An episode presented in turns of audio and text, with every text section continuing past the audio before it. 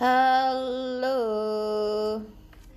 Di sore hari yang hujan di kota Bandung saya menyapa sahabat-sahabat saya lagi. Ya, semoga rekan-rekan semua sehat dan baik ya. Sudah makan siang dan mengumpulkan secercah kebahagiaan sedikit demi sedikit. Ya. Satu teduh saya hari ini dari Lukas 18 ayat 13 sampai 21 tentang perumpamaan biji sesawi dan ragi. Nah, rekan-rekan kalau kita melihat pada perikop ini kita bisa teringat kepada benih kerajaan surga yang ditabur melalui sabda Tuhan perbuatan-perbuatan baik dan tentu saja bagi saya kehidupan kita yang disentuh Tuhan detik demi detik.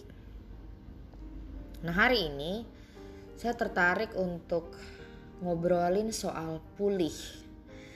Karena mungkin saat ini dunia begitu merindukan pemulihan.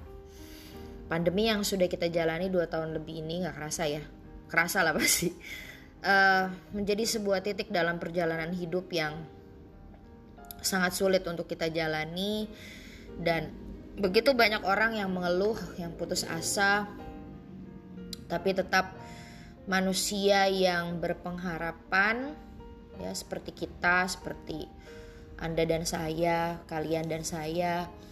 Tampaknya ya jauh lebih banyak dari yang memutuskan mengakhiri hidupnya. Jadi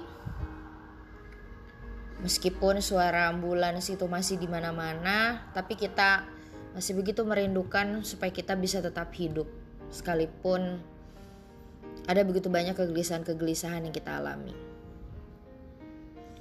Nah, sahabat-sahabatku, selayang pandang dari luar rumah kita, di mana pun rekan-rekan pada saat ini berada, kita bisa merasakan bahwa semua orang sedang berjuang untuk menata dan membangun kehidupan mereka kembali.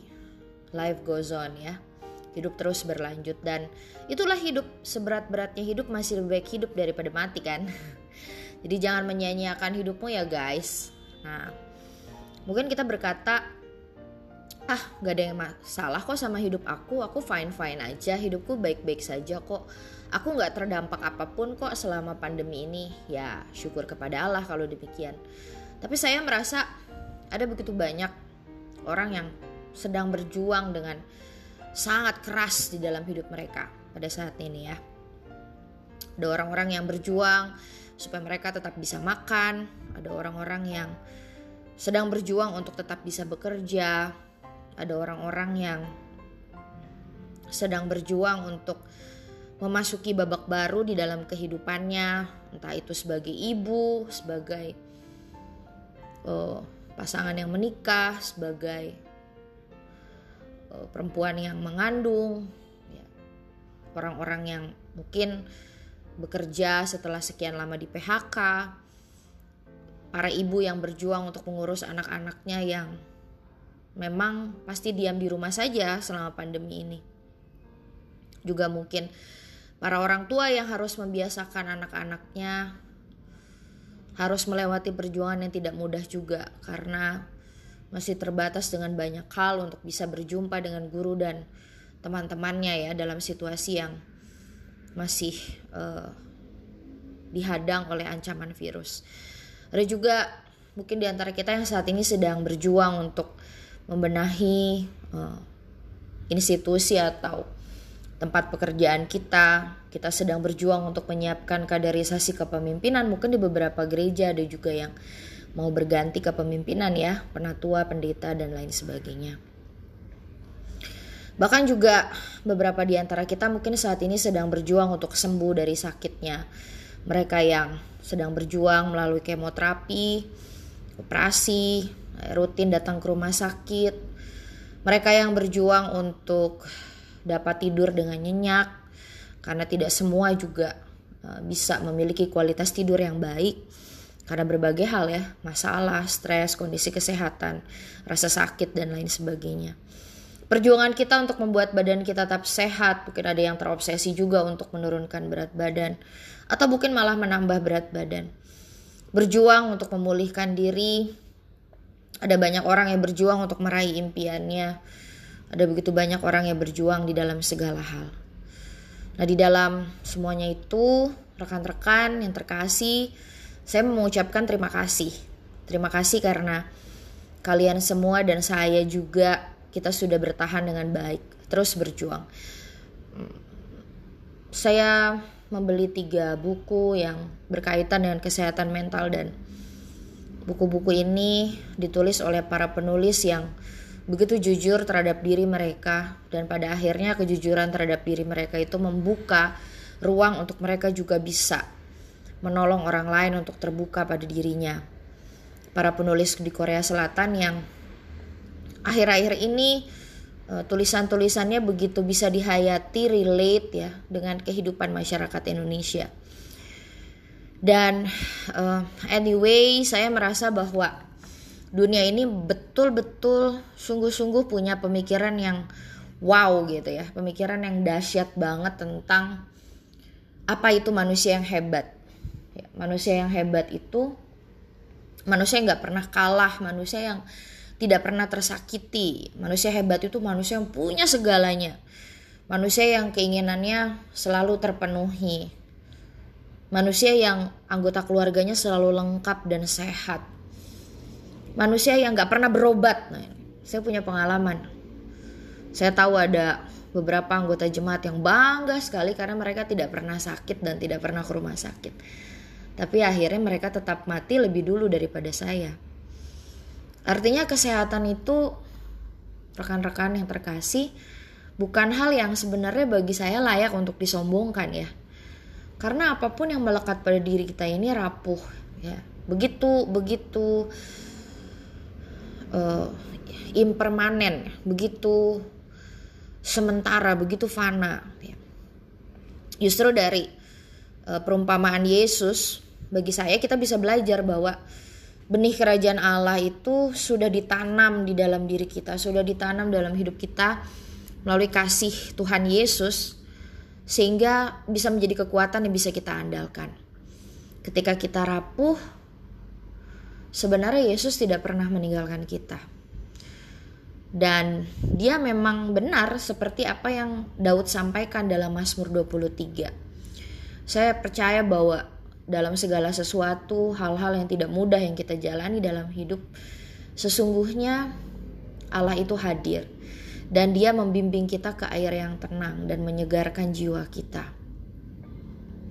Jadi kalau kita kelihatan begitu tergopoh-gopoh untuk melihat tangan Allah pada saat ini, jangan kita putus asa. Jangan kita merasa sedih. Karena meskipun mata kita ini buram, Meskipun hati kita begitu hancur, meskipun batin kita begitu sesak, tetapi kita tidak pernah ditinggalkan Tuhan. Mungkin kita ditinggalkan banyak orang, tapi kita tidak pernah ditinggalkan Tuhan. Allah tetap hadir karena Allah itu maha hadir. Dan dia juga bukan sekadar Allah yang maha hadir, melainkan juga Allah yang maha cinta. Jadi kalau Orang pada saat ini bertanya dalam segala kegelisahannya dan kecemasannya, kapan sih dunia ini pulih? Kapan saya pulih? Kapan diri ini pulih? Sebenarnya bagi saya Allah sedang bekerja untuk memulihkan kita. Allah sedang memulihkan kita di dalam situasi yang ramai maupun dalam situasi yang senyap. Allah sedang memulihkan kita ketika kita bersama-sama dengan orang lain atau ketika kita sedang sendirian. Allah sedang memulihkan kita melalui dokter, perawat, dan obat-obatan kita. Allah sedang memulihkan kita melalui keluarga yang amat menyayangi kita. Allah memulihkan kita dalam perjumpaan yang nampak remeh bersama dengan semua orang yang bicara dan ngobrol dengan kita hari ini. Allah mungkin secara khusus bicara pada saya melalui para pengantar makanan ya, driver uh, GoFood atau GrabFood yang Tuhan pakai untuk menghantarkan makanan supaya saya bisa makan. Karena kalau nggak ada mereka, saya pikir uh, saya pasti nggak bisa makan dengan baik. Allah memulihkan kita melalui pelayanan kita hari ini. Jadi sekalipun kita saat ini sedang capek, sedang lelah, tapi ketika kita sedang berjuang, nah ini luar biasa ya ketika kita sedang berjuang di dalam kelemahan kita, tapi melalui pelayanan Allah tetap bisa memakai kita untuk membantu orang lain berjuang. Keren ya. Jadi mari bersabarlah. Bersabarlah sekali lagi, bersabarlah pada diri kita, bersabarlah pada hidup kita, banggalah pada apa yang kita capai. Dan biarlah emoji hati itu bertebaran di mana-mana. Nah, dalam konser BTS yang salah satu artis K-pop yang saya sedang senangi pada saat ini dan ya saya nggak apa-apa lah ya pendeta suka BTS karena vibe-nya mereka tuh positif. Ada salah seorang member atau anggotanya yang selama konser itu mengenakan pita hijau yang diikatkan di kepalanya. Dan para fans uh, idol ini ya tahu kenapa Jin memakai pita hijau itu. Jadi pita hijau itu adalah simbol dari kepedulian atas kesehatan mental dan anti diskriminasi.